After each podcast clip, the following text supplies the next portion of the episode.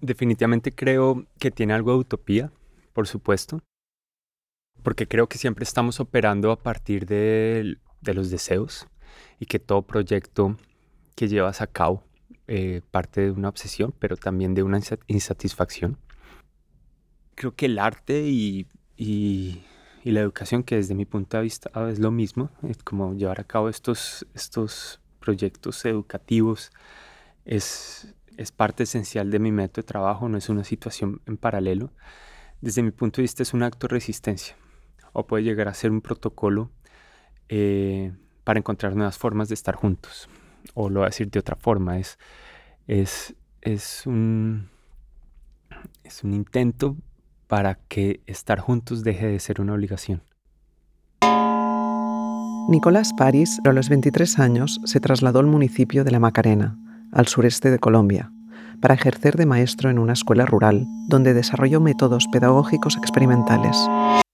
París también trabajó un tiempo como panadero, atraído por la tradición anarquista de recuperación de oficios manuales. Tras sus aprendizajes, en 2006 decidió mudarse al mundo del arte contemporáneo, para seguir especulando desde allí con todas las experiencias adquiridas en las aulas, pero también en los hornos y en sus años de estudiante de arquitectura. Sus instalaciones, dibujos, objetos, talleres, happenings, vídeos y proyectos pedagógicos nunca se presentan como un producto final, sino como un punto de partida de ejercicios de creación colectiva, destinados a activar nuevas formas de conocimiento y relación. Los lugares expositivos son para París como salones de clase, donde el artista, al igual que el maestro, aprende a comunicarse e interactuar con un público heterogéneo un público que tiene un rol fundamental, pues es este mismo el que libremente decide hasta dónde y cómo quiere implicarse y aprovechar el proceso creativo. En este podcast hablamos con Nicolás París sobre sus años de profesor en la Macarena y su personal método de aprendizaje basado en la asociación. París reflexiona también sobre el papel crucial que en su trayectoria juegan el dibujo como sistema para proyectar ideas, la arquitectura como método de trabajo la palabra como material plástico y el pensamiento como forma. Y hay una idea como que me interesa mucho y es em, la palabra escuela. Eh, por un lado me interesa pues porque eh, trabajé varios años como de mi, cuando empezó mi vida profesional, el primer trabajo formal que, que acepté o que busqué o al cual apliqué eh, fue trabajar como profesor en escuela rural en Colombia. Y, y, pues fue una gran experiencia, obviamente, en un entorno totalmente nuevo para mí para ese entonces. Tenía como 23 años, tal vez, o cumplía ya 23. Y me acerqué a este entorno de aprendizaje como un profesor de la ciudad, a tratar de llevar a cabo procesos de aprendizaje con un grupo de estudiantes de diferentes edades y diferentes eh, niveles educativos, pero todos en el, mismo salón. Em, llegué allá sin experiencia previa como, como profesor o como docente. Y bueno, insisto, fue una gran experiencia pues porque fue empezar a especular y tratar de, de construir ambientes de diálogo a partir como de, lo que fueron mis propios procesos de aprendizaje, pero por otro lado también eh, intentando no repetirlos o tratando de abordarlos desde el entorno específico en el que estaba. Este grupo de estudiantes en esa época, eso fue en el año 2000, eh, por razones políticas y sociales en mi país, en Colombia, en ese entonces ya llevaban más de dos años sin profesor asignado en esa escuela. Entonces aterricé yo a este lugar pues a tratar de en, muy pocos días eh, construir una relación con los padres de familia y empezar a organizar como el salón de clase o la escuela, que era un solo lugar, una, una construcción de madera, en el buen sentido de la palabra, muy precaria, en donde, repito, todos los estudiantes de diferentes niveles académicos diferentes edades están en, el mismo, en, el misma, en la misma aula. Y definitivamente pues haber estado trabajando en, ese lugar eh, pues ha sido una gran, gran influencia. Me atrevería a decir que, es mi mayor influencia. Pienso que en un salón de clase puedes encontrar todo y haber, y haber estado eh, trabajando con este grupo de estudiantes pues ha sido como de pronto la situación por un lado más retadora en la que he estado, pero por el otro lado la, la situación que más me ha nutrido. Voy a hacer un paréntesis, es algo creo que importante Em, lo que tal vez sucedió antes de que llegara a esta escuela. Y, y es que pues yo estaba matriculado en la, en la Facultad de Arquitectura en una universidad en, en mi ciudad, en Bogotá, la capital de Colombia. Em, estaba justo en la mitad de la, de la carrera, en quinto semestre, y tomé la decisión de aplicar a este trabajo y este lugar donde fui a trabajar er, es un sitio un poco inhóspito que se llama La Macarena en el Meta. El Meta es un departamento estado de Colombia. Eh, es un lugar eh, muy especial porque es el único, hasta donde yo tengo entendido, es el único lugar del mundo donde confluye la Amazonía, los Andes y la Orinoquía. Em, entonces, en términos de paisaje y en términos de ecosistemas como muy especial y además eh, pues tiene ha sido siempre históricamente un lugar como eh, bien particular en la historia de Colombia. Por mucho tiempo fue o ha sido el, uno de los sitios estratégicos o lugares estratégicos de la, de la guerrilla o de la subversión en, mi país. Y además históricamente es un lugar como por lo cual han pasado todas las bonanzas de todos los tipos y han vivido muchos tipos de, de grupos eh, de personas y algunos han sido exterminados, otros han, han estado solo de paso y otros se han abierto camino y han logrado permanecer más tiempo. Em, pero el caso a lo que voy, para no alargar tanto el paréntesis, es que eh, decidí aplicar este trabajo y en ese entonces, un poco por, por ideas que estaba como... Eh, a las cuales me estaba acercando en ese entonces, eh, pensé que podría ser interesante para mí eh, explorar mis intereses fuera de la, de la universidad. Eh, en ese entonces como que me interesaba la idea de, ir a este lugar y también de, trabajar en, en, educación. Y por el otro lado, un poco con una actitud ponqueta o desde el punk, quería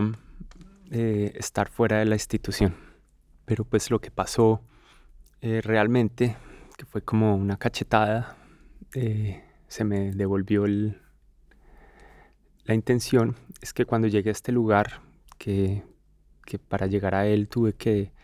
viajar desde mi ciudad en bus dos horas, después esperar como un día a poder tomar una avioneta y tomar un vuelo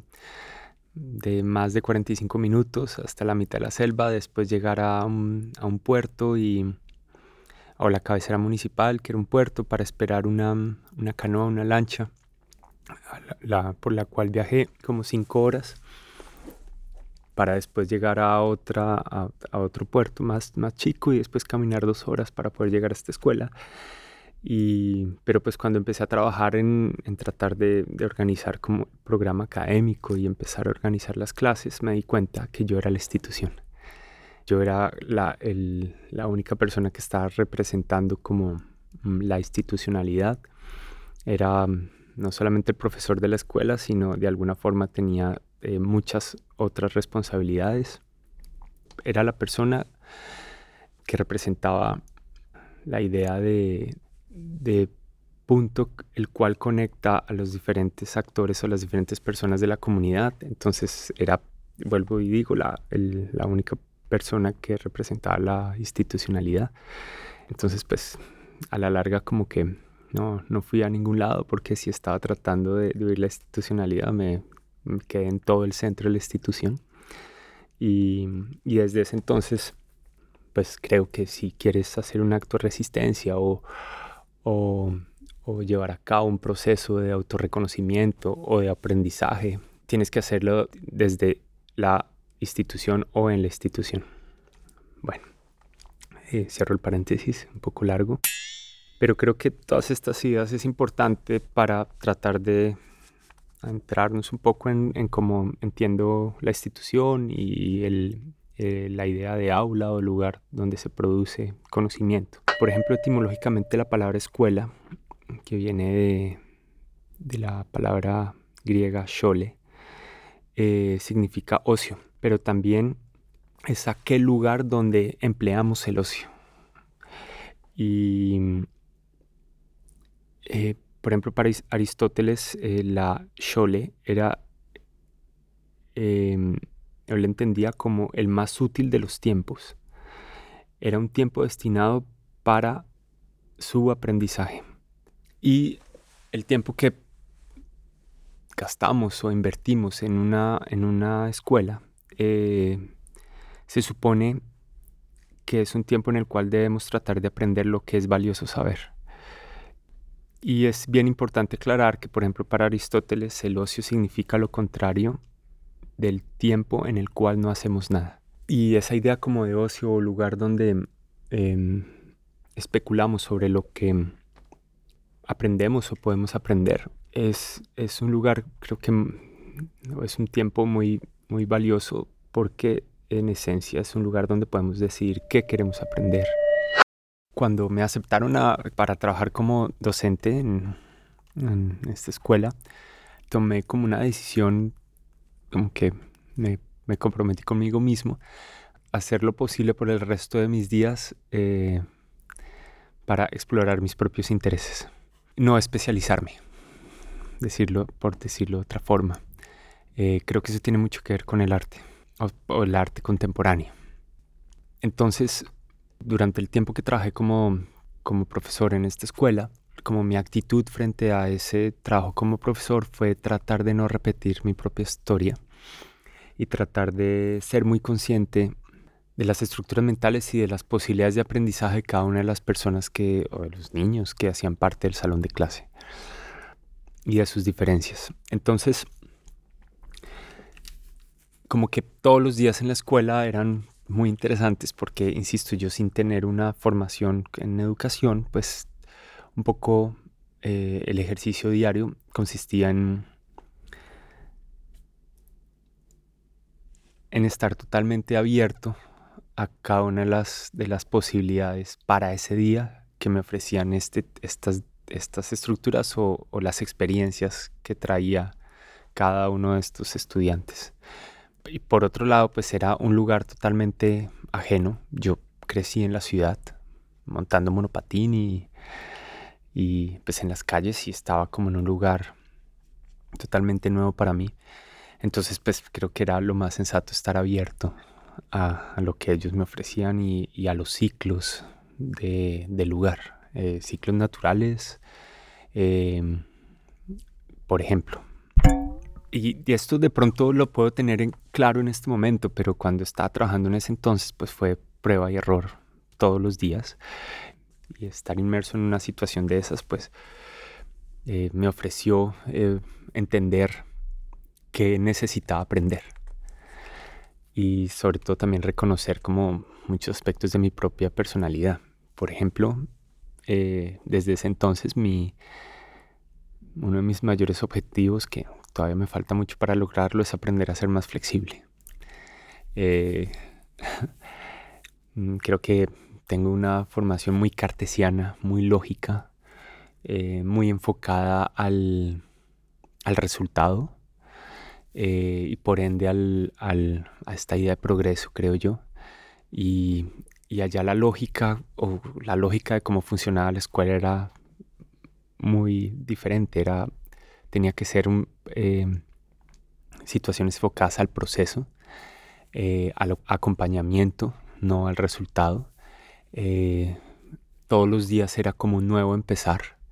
por el entorno de, de los estudiantes, por mi entorno por, yo no pertenecer a ese entorno y mi propia situación, también inclusive pues mi situación de duda constante y, también de miedo y de estar en un lugar pues que no reconocía y todo eso lo que implicaba para, para una persona como de 23 años, eh, que casi que la noche a la mañana un poco inconsciente, pero pues con, con buena actitud, eh, llegué a un lugar de estos en el cual no reconocía nada, realmente. Y darme cuenta de estos, pues, de todo esto, pues fue un, un proceso de prueba y error, donde mm, todos los días había pequeñas conquistas o pequeños descubrimientos que me iban dando pistas de cómo podían ir sucediendo las cosas o cómo era la mejor forma, o bueno, lo voy a decir de, otra manera, la forma más divertida para que sucediera el aprendizaje y nos constituyéramos en un grupo de aprendizaje.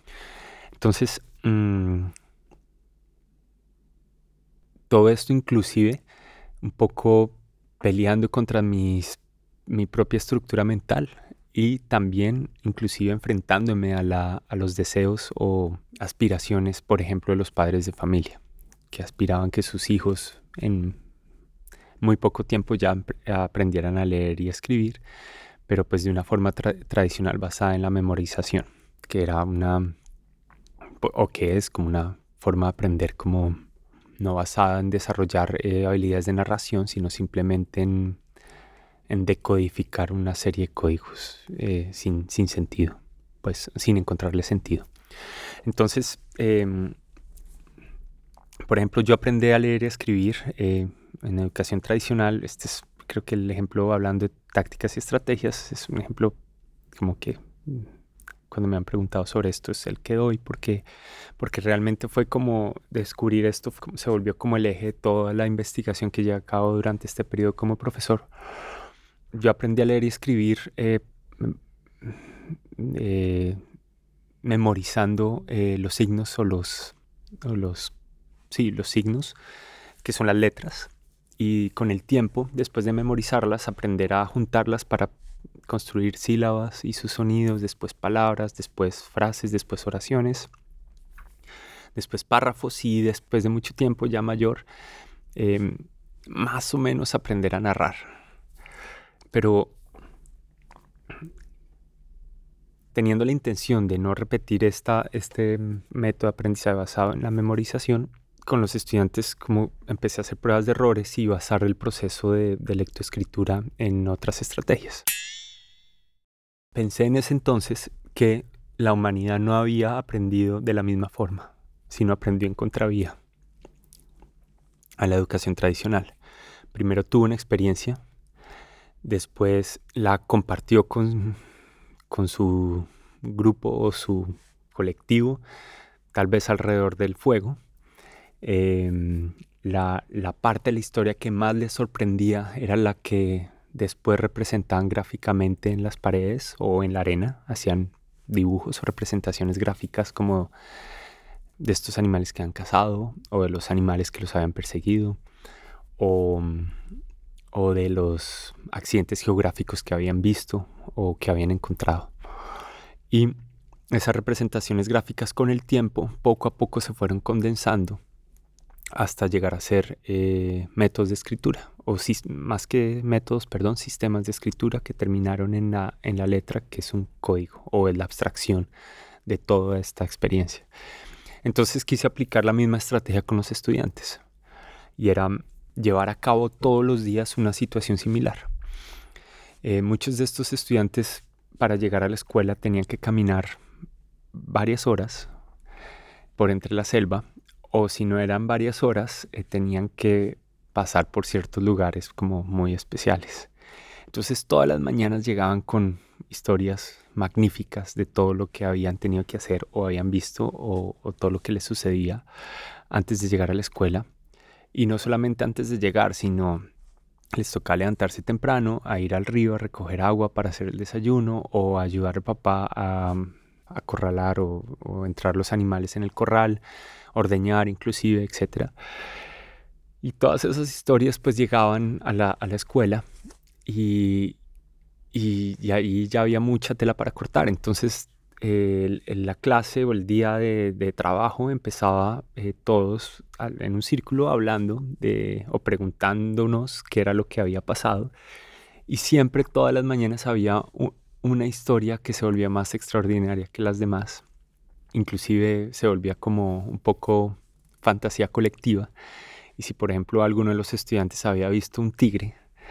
yendo a la, o las huellas de un tigre, por ejemplo, yendo a la escuela, eh, poco a poco en el imaginario de los estudiantes todos lo habían visto eh, también. Por lo menos no lo podíamos imaginar y se volvía una historia colectiva que era el punto de partida para el trabajo de todo el día. Entonces empezamos hacer representaciones gráficas de esas escenas, a tratar de reconocer cuáles eran los elementos de esa escena, reconocer cuál era el personaje, cuál era, la acción, cuál era el lugar, cuál era el momento del día o el tiempo. Más o menos empezar a entender cuáles eran las distancias, cuáles eran las convenciones, cuáles eran la, el inicio, el nudo y el desenlace de esta posible historia, cuáles eran los, los seres vivos que hacían parte de esta historia y, a qué tipo de ecosistemas pertenecían, cuáles eran los, los elementos que nos, en términos de matemáticas y geometría, por ejemplo, que nos hacían entender, nos permitían entender qué era lo que había sucedido o, o cuánto, por ejemplo, habíamos tenido que, que recorrer para, para llegar de un lugar a otro, por ejemplo, o hablar también en términos de tiempo. Entonces toda esta historia eh, se aprovechaba para tratar de eh, explorar o entender o narrar conceptos de las diferentes asignaturas que íbamos a, a, trabajar durante el día. Entonces se volvía una suerte de narrativa, sobre todo muy divertida, en la cual los estudiantes se volvían protagonistas, ellos construían el conocimiento, determinaban cuáles eran las variables importantes y construían su propia historia. Y en donde mi trabajo consistía en tratar de acompañar y retroalimentar como sus propias experiencias y tratar de, condensarlas hacia o encaminarlas hacia, hacia los, objetivos académicos a los cuales teníamos que responder. Entonces, por ejemplo, eh, vuelvo y retomo la idea como la lectoescritura. Representamos gráficamente la, la escena entre todos, hacíamos muchas veces un, un gran diagrama de lo que había sucedido. Después cada uno volvía a hacer ese diagrama en, una hoja o en, en, su, en un soporte eh, individual y, poco a poco íbamos separando los elementos que, hacían parte de esta escena para construir las, las, ideas de una forma lógica, lógica quiero decir como bajo la estructura de la, de la lectoescritura, siempre y sobre todo basándonos como en, en, los elementos que terminan esta estructura. Estoy hablando de ideas tan simples como eh, la margen, el renglón, la lateralidad, em, entender que una oración está dividida en frases, personaje, acción y, tiempo, en lo más básico. Y bueno, y poco a poco llevar cada uno de estos elementos y entender que para, para la construcción lógica de esta, de esta historia necesitamos reconocer eh, a, qué, a qué parte de la estructura pertenecían y, reconocer la estructura para poderlos eh, armar dentro de esta lógica. Cuando ya entendíamos cuáles eran las, las, las, partes de esta estructura, después venía otra, otra etapa que era empezar a transformar esa representación gráfica en una representación escrita, que en esencia, eh, pues mm, pensé yo en ese momento y fue más o menos efectivo, son lo mismo. Entonces una vez eh, los estudiantes podían leer dibujo o sabían que este diagrama era, era un río, por ejemplo, era muy sencillo para ellos eh, entender que la palabra río representaba este mismo diagrama. Entonces se volvía un toma y dame o un ir y venir entre, entre experiencia, el lenguaje y representación. Cuando ya estaban las representaciones gráficas eh, y escritas, después venía una parte que era como empezar a fragmentarla para reconocer cuáles eran eh, las partes de esta oración, eh, después las palabras, después las sílabas y después las letras. Y no basar el proceso de aprendizaje en la memoria, sino en la experiencia. Y a lo último que se llega es al concepto o la idea. Y llegar a esa idea o ese concepto e interiorizarlo es responsabilidad del estudiante. Y bueno, después de, un tiempo, por ejemplo, esta estrategia funcionó muy bien y los estudiantes era como un clic mental, empezaban a leer y a escribir y no habían tenido la necesidad de memorizar nada. Em, insisto, en muchos casos esto era necesario eh, enfrentarse a los padres que, que, no le veían como ni pies ni cabeza a, este ejercicio de especulación, pero al final del proceso pues no, fue increíble porque los estudiantes como terminaron leyendo. Y, seguramente no todos al mismo tiempo y no todos de la misma forma o no lograron profundizar de la misma forma, pero pasaba algo también muy interesante que como el, el, ejercicio iniciaba como un proceso de colaboración y ponernos de acuerdo todos, el final de este proceso de aprendizaje también sucedía de la misma forma. En el momento que algunos estudiantes ya lograban hacer el clic mental, era increíble porque eh, em, dinamizaban por demostración y por el hecho de, estar siempre como en un proceso colectivo de aprendizaje a los estudiantes que de alguna forma no, no están como al, mismo nivel, por decirlo de alguna forma. Y lo mismo sucedió con matemáticas, lo mismo eh, sucedió con ciencias, lo mismo sucedió, pues tratar de llevar a todos estos procesos desde, desde la experiencia, usando el dibujo o la representación gráfica, o más bien el acto de dibujar como, como herramienta con la cual puedes proyectar tus ideas y que es afín a todas las disciplinas o que es una herramienta que pertenece a todas las disciplinas. Entonces, por ejemplo, entender que los elementos básicos del dibujo, que son la línea recta, la línea curva o el, punto y el círculo, eh, desde mi punto de vista,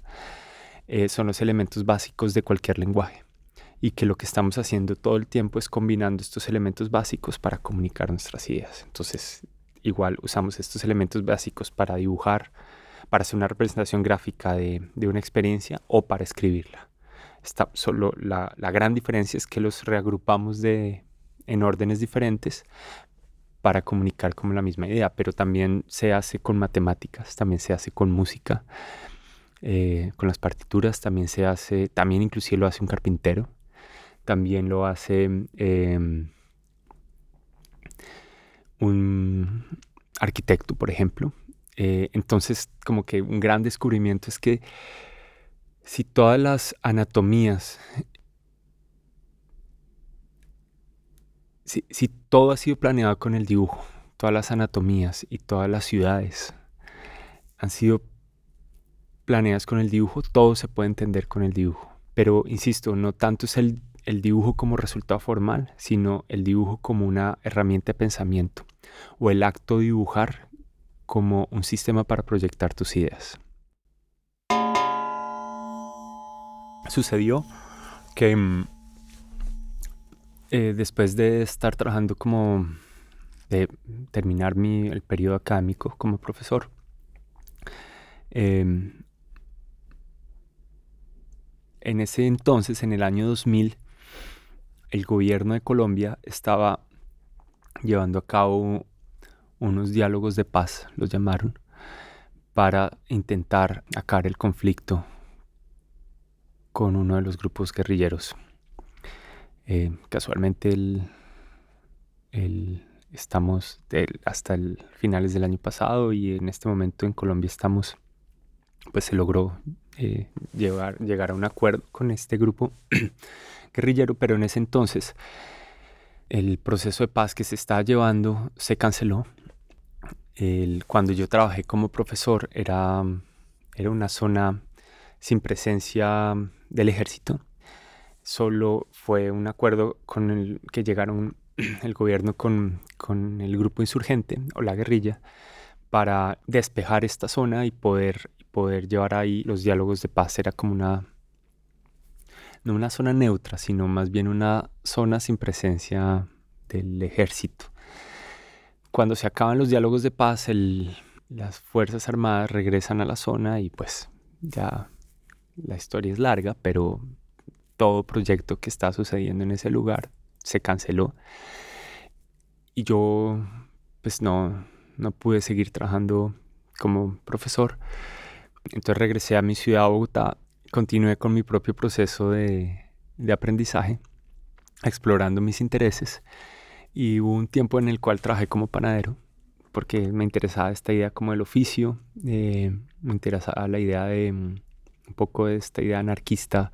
que la mejor forma de hacerte ciudadano es a través de un oficio, y mucho mejor si es un oficio mm, de las manos. Entonces tomé la decisión, además tengo un gusto particular por el pan, es como mi droga. Eh, quise empezar a trabajar como, panadero y mm, pasaron algunos años, fue posible volver a entrar a la zona donde había trabajado como profesor y justo por ese entonces me encontré con un grupo de personas con las cuales había trabajado y me plantearon que hiciéramos un grupo de investigación para presentarnos a unas becas eh, o buscar financiación para poder regresar a la zona y hacer un proyecto. El proyecto planteaba hacer el modelo educativo al municipio o el, el PEI se llamaba o se llama, que es el proyecto educativo institucional. Todos los municipios deben tener uno, entonces la idea era como las cosas estaban eh, un poco frágiles en, la zona y, la situación política y social era bien, bien inestable. La idea del proyecto era volver a, la zona y llevar a cabo un proceso de capacitación con un grupo de, de, profesores del municipio para un grupo piloto de profesores del municipio para hacer el modelo educativo. Eh, presentamos el proyecto, nos dieron la financiación, salió todo muy bien y, la idea del, proyecto era estar en la zona, trabajar eh, de la mano con este grupo de profesores, llevar a cabo etapas, diferentes etapas, eh, esencialmente era como investigación, capacitación o talleres, después acompañamiento y después formulación del proyecto. Hay algo muy interesante de, este proyecto y es que el marco teórico en el cual se, con el cual se planteaba era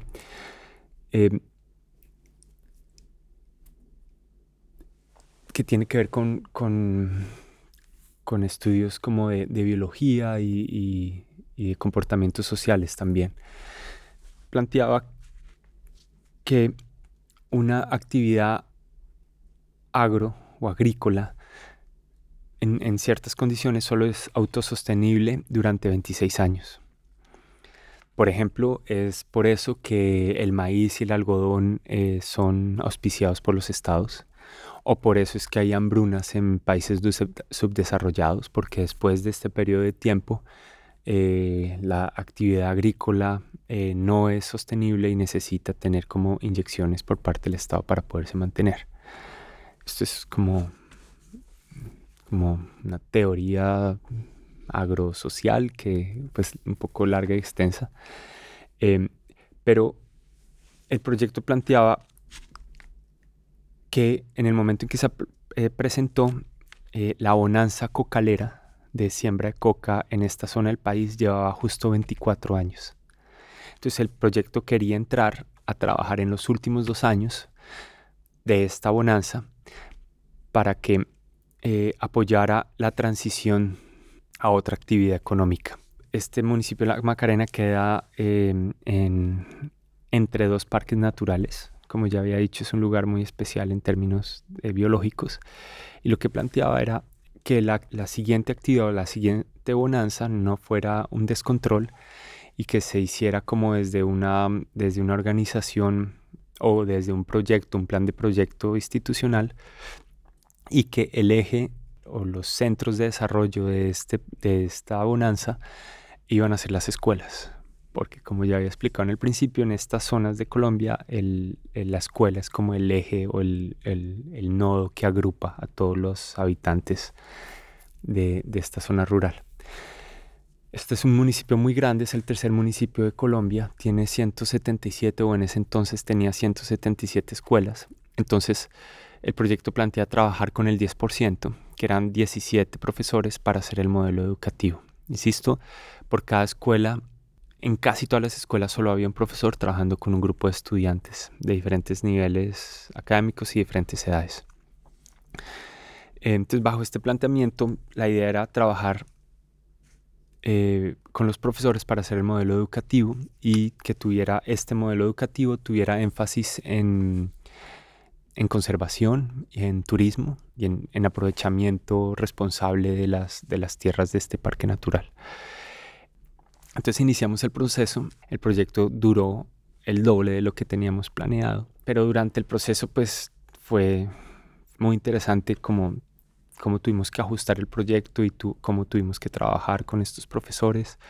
del municipio, cómo se llevó a cabo el proceso de investigación. Eh, un poco también el proyecto planteaba que no tenía sentido producir un modelo educativo en un escritorio de una oficina en una ciudad para sacarlo del centro y llevarlo a un, lugar rural o un centro rural eh, y que lo replicaran, sino lo que tenía sentido era estar en la zona, producir el documento eh, y la investigación con las personas que lo iban a replicar y que ellos fueran como los responsables y las personas eh, llamadas a, a implementarlo y a verificarlo en el tiempo. Todo este ejercicio de capacitación e implementación está basado en un modelo educativo que hoy en día usamos en Colombia para las escuelas rurales que se llama Escuela Nueva. Y al final del proyecto Mm, yo ya estaba a punto de cumplir 30 años y, y empecé como a revisar qué era lo que había estado haciendo y qué era lo que quería hacer. Y tomé la decisión muy consciente de empezar a hacer lo mismo, pero desde la educación no formal. Y pensé que el, mejor lugar para llevarlo a cabo era el arte, el arte contemporáneo. Entonces fue una decisión muy consciente y, lo que hice en ese entonces, o la decisión que tomé más bien, fue llevar a cabo los mismos proyectos, o, mejor dicho, continuar la investigación que llevaba haciendo, incluida, incluida por ejemplo, la experiencia de haber sido panadero o, tener un interés por la arquitectura y poder usar el arte contemporáneo como un lugar en el cual puedo engranar en mis intereses y continuar con como ese proceso de formación tal vez. Entonces, hoy en día sigo entendiendo el acto dibujar como mi herramienta. Eh, para mí la educación es, es, es, mi sistema, no es mi método, es,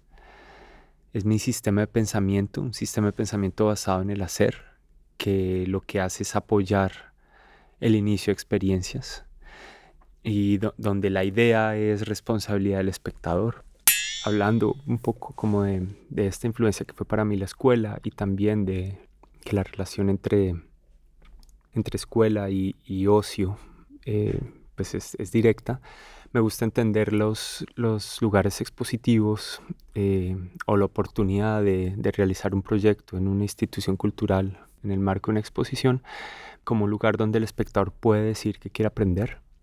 eh, también lo entiendo como un salón de clase, los lugares expositivos y entiendo las salas de exposición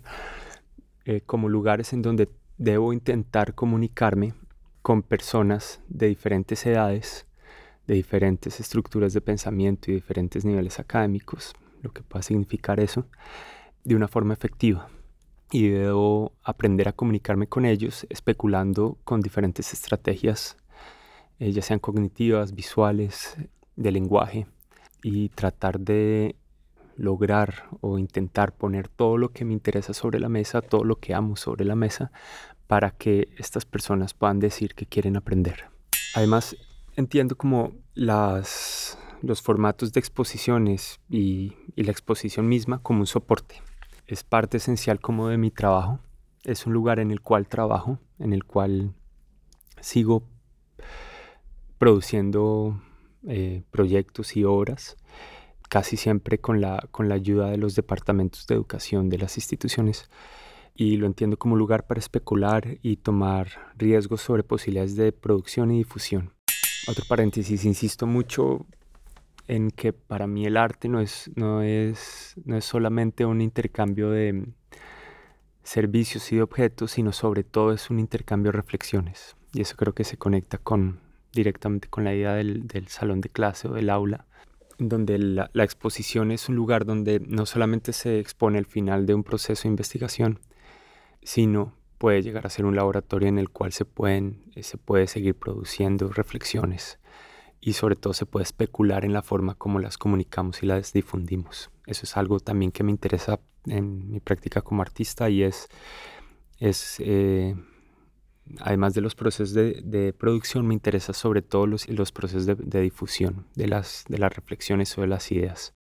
Entonces me gusta entender toda obra de arte, inclusive eh, la exposición como soporte, como el inicio de una experiencia.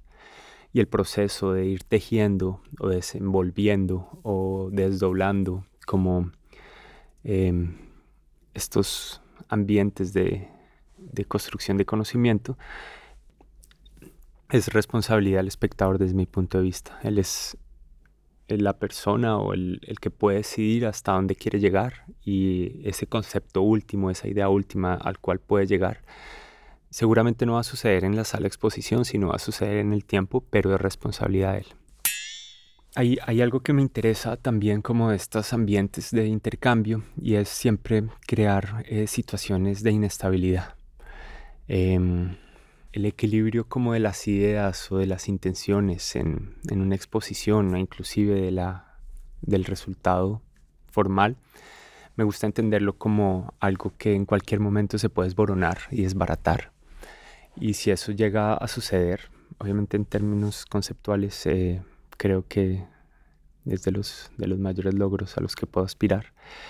Y por ejemplo, lo que quiero decir con situaciones inestables o de de pedagogías inestables, son lugares en los cuales no sabemos muy bien quién es la persona que está aprendiendo o enseñando, o quién es la persona que está intentando comunicar y cuál es la persona que está recibiendo, o inclusive no sabemos muy bien cuál es el director o el actor, por decirlo de otra forma. Eh, sino son situaciones en las cuales eh, constantemente este centro, este punto de equilibrio está, está rotando, está moviéndose y cualquier, cualquiera de las personas involucradas pasa de ser asistente a ser protagonista o de ser em, audiencia a, a ser productor. Bueno, sobre las estrategias con las cuales se puede convertir esta sala de exposición en un, un lugar para producir conocimiento o llevar a cabo procesos de aprendizaje. Una, de esas eh, estrategias, desde mi punto de vista, es el, taller mismo o eh, compartir un, cierto periodo de tiempo con un grupo de personas tratando de resolver unos ejercicios para producir conocimiento y construir una o iniciar una reflexión entre todos. Para mí, estos talleres o este tiempo compartido con un grupo de personas es también un soporte, es parte esencial de mi práctica inclusive es eh, a, las, a, la actividad como artista que creo más tiempo le dedico. Y son situaciones en las cuales eh, el tiempo se alarga e inclusive a veces se detiene. Son situaciones en las cuales desde mi punto de vista empezamos a ocupar el tiempo más que el, el espacio. Y son momentos en los cuales tengo que estar muy consciente de, cómo tejo las palabras, cómo tejo las ideas, cómo muevo mi cuerpo. Intento lograr construir eh, situaciones horizontales y poco a poco ir tejiendo o acompañando esta experiencia para, para poder lograr hacer una retroalimentación sobre la experiencia de cada una de las personas que están en este taller. Y es fundamental para mí entenderlo como, como un soporte, porque porque me ha permitido como desarrollar em, de cierta forma habilidades. Por ejemplo, eh, entender la palabra como un material plástico, entender también el pensamiento como una forma, como podría decir Joseph Boyce, y tratar intentar poder hacer una composición con cada una de las ideas, intenciones, inclusive dudas y deseos de cada una de las personas que estamos presentes. Y nuevamente es como una forma de, afianzar esa idea que, que, para construir estos ambientes de intercambio em, es necesario estar muy pendiente cada una de las personas que integran este grupo y, tratar de comunicarme con cada una de estas estructuras de percepción y de, y de pensamiento de una forma como generosa, abierta y asertiva em, en un periodo de tiempo determinado. A mí me interesa mucho la arquitectura, definitivamente. Me interesa la arquitectura como un método de trabajo. Me, me, interesa mucho la idea de pensar en términos de espacio. Creo que el espacio es uno de los componentes o sí, componentes esenciales del, del aprendizaje. Creo, por ejemplo, o concibo que la, el hacer de un profesor eh, tiene mucho que ver con la arquitectura, en donde un profesor es, es una persona que minuto a minuto está construyendo ambientes de, de intercambio. Eh, solamente con sus con su posición frente al otro, frente a los estudiantes o la forma como dispone eh, los asientos o, invita a los estudiantes a, estar en la clase. De la arquitectura más más que interesarme como un, como un proceso de diseño en el cual combina los elementos diferentes elementos para constituir los espacios, como podrían ser las, las escaleras, las pórticos, las ventanas, las puertas. También y sobre todo me interesa la arquitectura como un ejercicio para construir lugares. Y me gusta pensar en términos de lugar eh, versus espacio y hacer todo lo posible por por definir o combinar los elementos que constituyen los lugares. Desde mi punto de vista estos elementos son el diálogo, el rumor, la luz, las horas, el rastro, el tiempo transcurrido, la incidencia de la luz, la palabra también, como estos elementos efímeros tal, vez y que podríamos llamar imperceptibles, pero pero creo que no lo son, que son lo que realmente constituyen los lugares y, que le terminan de dar forma a, las ideas o a los espacios. Eh, entonces también como en mis proyectos, aunque tienen como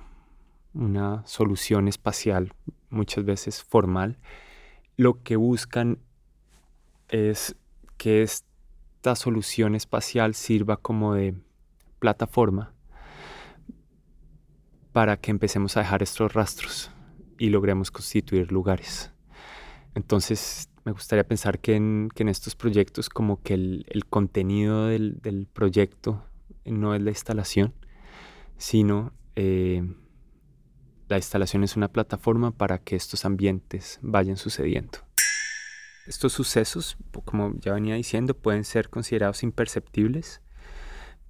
y que son elementos o fenómenos que que permiten trabajar o con los cuales podemos trabajar y que nos permiten construir lugares donde el arte o la arquitectura o inclusive nosotros nos definimos eh, por pequeñas conquistas o,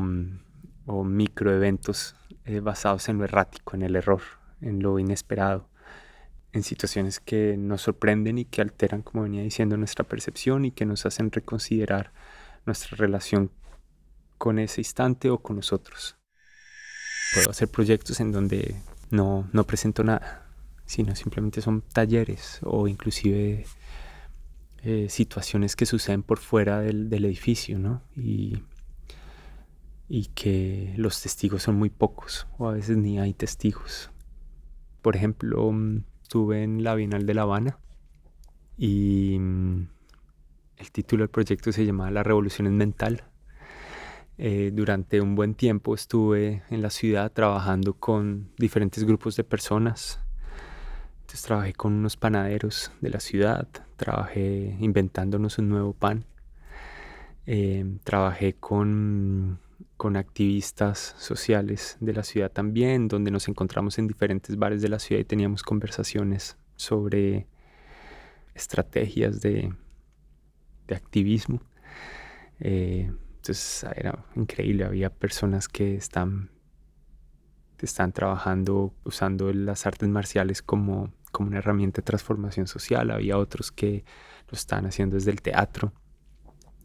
había otros que lo, tenían como discurso eh, o posición política en la escuela, dentro de la escuela, pero nos encontramos en diferentes lugares a conversar. Era un intercambio como de buenas prácticas. Eh, también estuve trabajando con, con profesores eh, de escuela y, con algunos estudiantes en donde llevamos a cabo un proyecto para para apoyar procesos de aprendizaje y escritura, un poco basado en la historia que ya conté de la, de, del aprendizaje de la asociación. Y también tuve otra parte del proyecto, era, era como un, tipo de salón de clase itinerario que tenía muchas sedes y muchos lugares. Em, por ejemplo, encontré que algunas escuelas de la, de La Habana Vieja tenían unos jardines lindísimos. Entonces lo que hacía era por la tarde, eh, después de cuando ya se habían acabado las clases, iba a algunos de estos jardines y me dedicaba a hacer jardinería. Y a cuidar las plantas, eran, insisto, eran unos jardines lindísimos y muchos de los estudiantes que les tocaba quedarse fuera, eh, fuera del, tiempo académico, hacer cursos de recuperación o inclusive que están castigados o, o que sí, por alguna razón tenían que estar haciendo refuerzos o, por otra actividad en la escuela, empezaban a, acercarse y terminaban involucrados con la actividad en el jardín y nos empezamos a ayudar entre todos. Entonces empecé a hacer tratos con algunos de ellos, en donde ellos me ayudaban a cuidar el jardín y después yo me comprometía a conseguir, eh, por ejemplo, canicas para hacer torneos de, de juegos de canicas después de que habíamos estado trabajando en el jardín, por ejemplo. Las canicas son bien difíciles de conseguir en La Habana. Es un objeto preciado. Este es un proyecto que no tuvo registro, no tuvo presencia en los lugares expositivos de La Habana. Em, tal vez sobrevivió como un rumor o como una experiencia compartida eh, que estaba totalmente basado en la palabra, como un material plástico, en el hacer como, como una estrategia para acercarnos y, que aspiro que sobreviva como, como un rumor. Pero en mi método de trabajo o en mis proyectos está súper presente porque fue una, ha sido, digamos, este proyecto fue una gran influencia para los proyectos expositivos que empecé a desarrollar después. Yo entiendo las, obras de arte como ayudas visuales eh, o materiales pedagógicos, porque inevitablemente son, es algo que te, te puede servir para que unas cabos sueltos, ¿no? Pero todos estos intentos son herramientas para pensar en términos de arte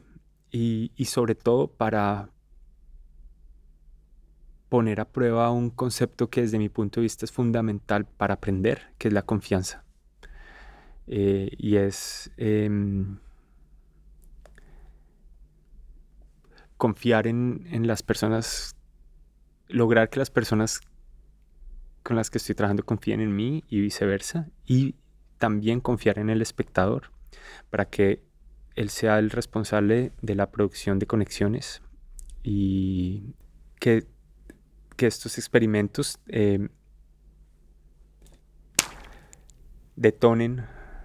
Em, en el tiempo o exploten lentamente y que sean ideas que, que tengan posibilidades de crecimiento y desarrollo. Hay algo, algo bien bonito sobre las utopías, es que sin las utopías no, no somos nada, pero, pero yo creo que una de las cosas increíbles de la utopía es que son como esos, esos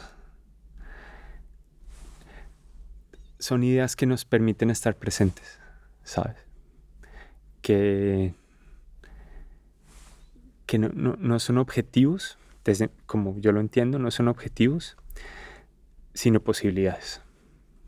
Lo he dicho muchas veces en esta conversación, pero posibilidades de crecimiento y desarrollo. Algo que pasa muy interesante, digo yo, de las utopías es que eh, las utopías pertenecen al, al dibujo tal vez, o al papel,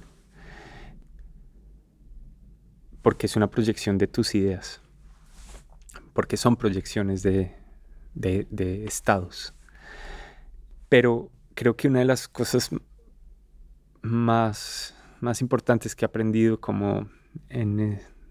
tratando de hacer este tipo de proyectos es que mm, es que el proceso es ahora. El proceso no es algo que va a suceder o, o por lo cual trabajo para que suceda, sino que el proceso está sucediendo ahora mismo. Y, y esa idea se me hace como muy potente pensar que, que toda situación en la cual estoy inmerso o, o toda situación en la cual trabajo o pongo lo que más quiero sobre la mesa para iniciar conversaciones es ahora. Y,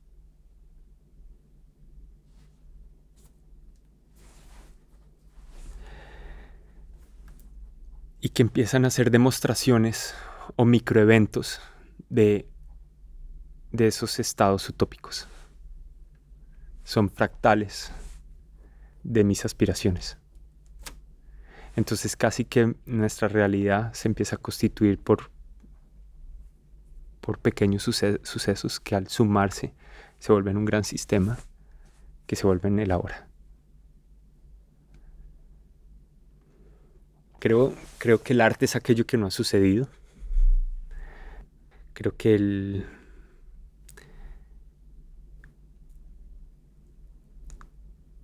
Creo que el arte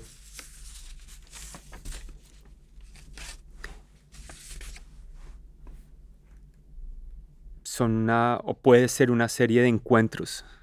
que confrontan nuestras estructuras de aprendizaje y la forma como nos relacionamos.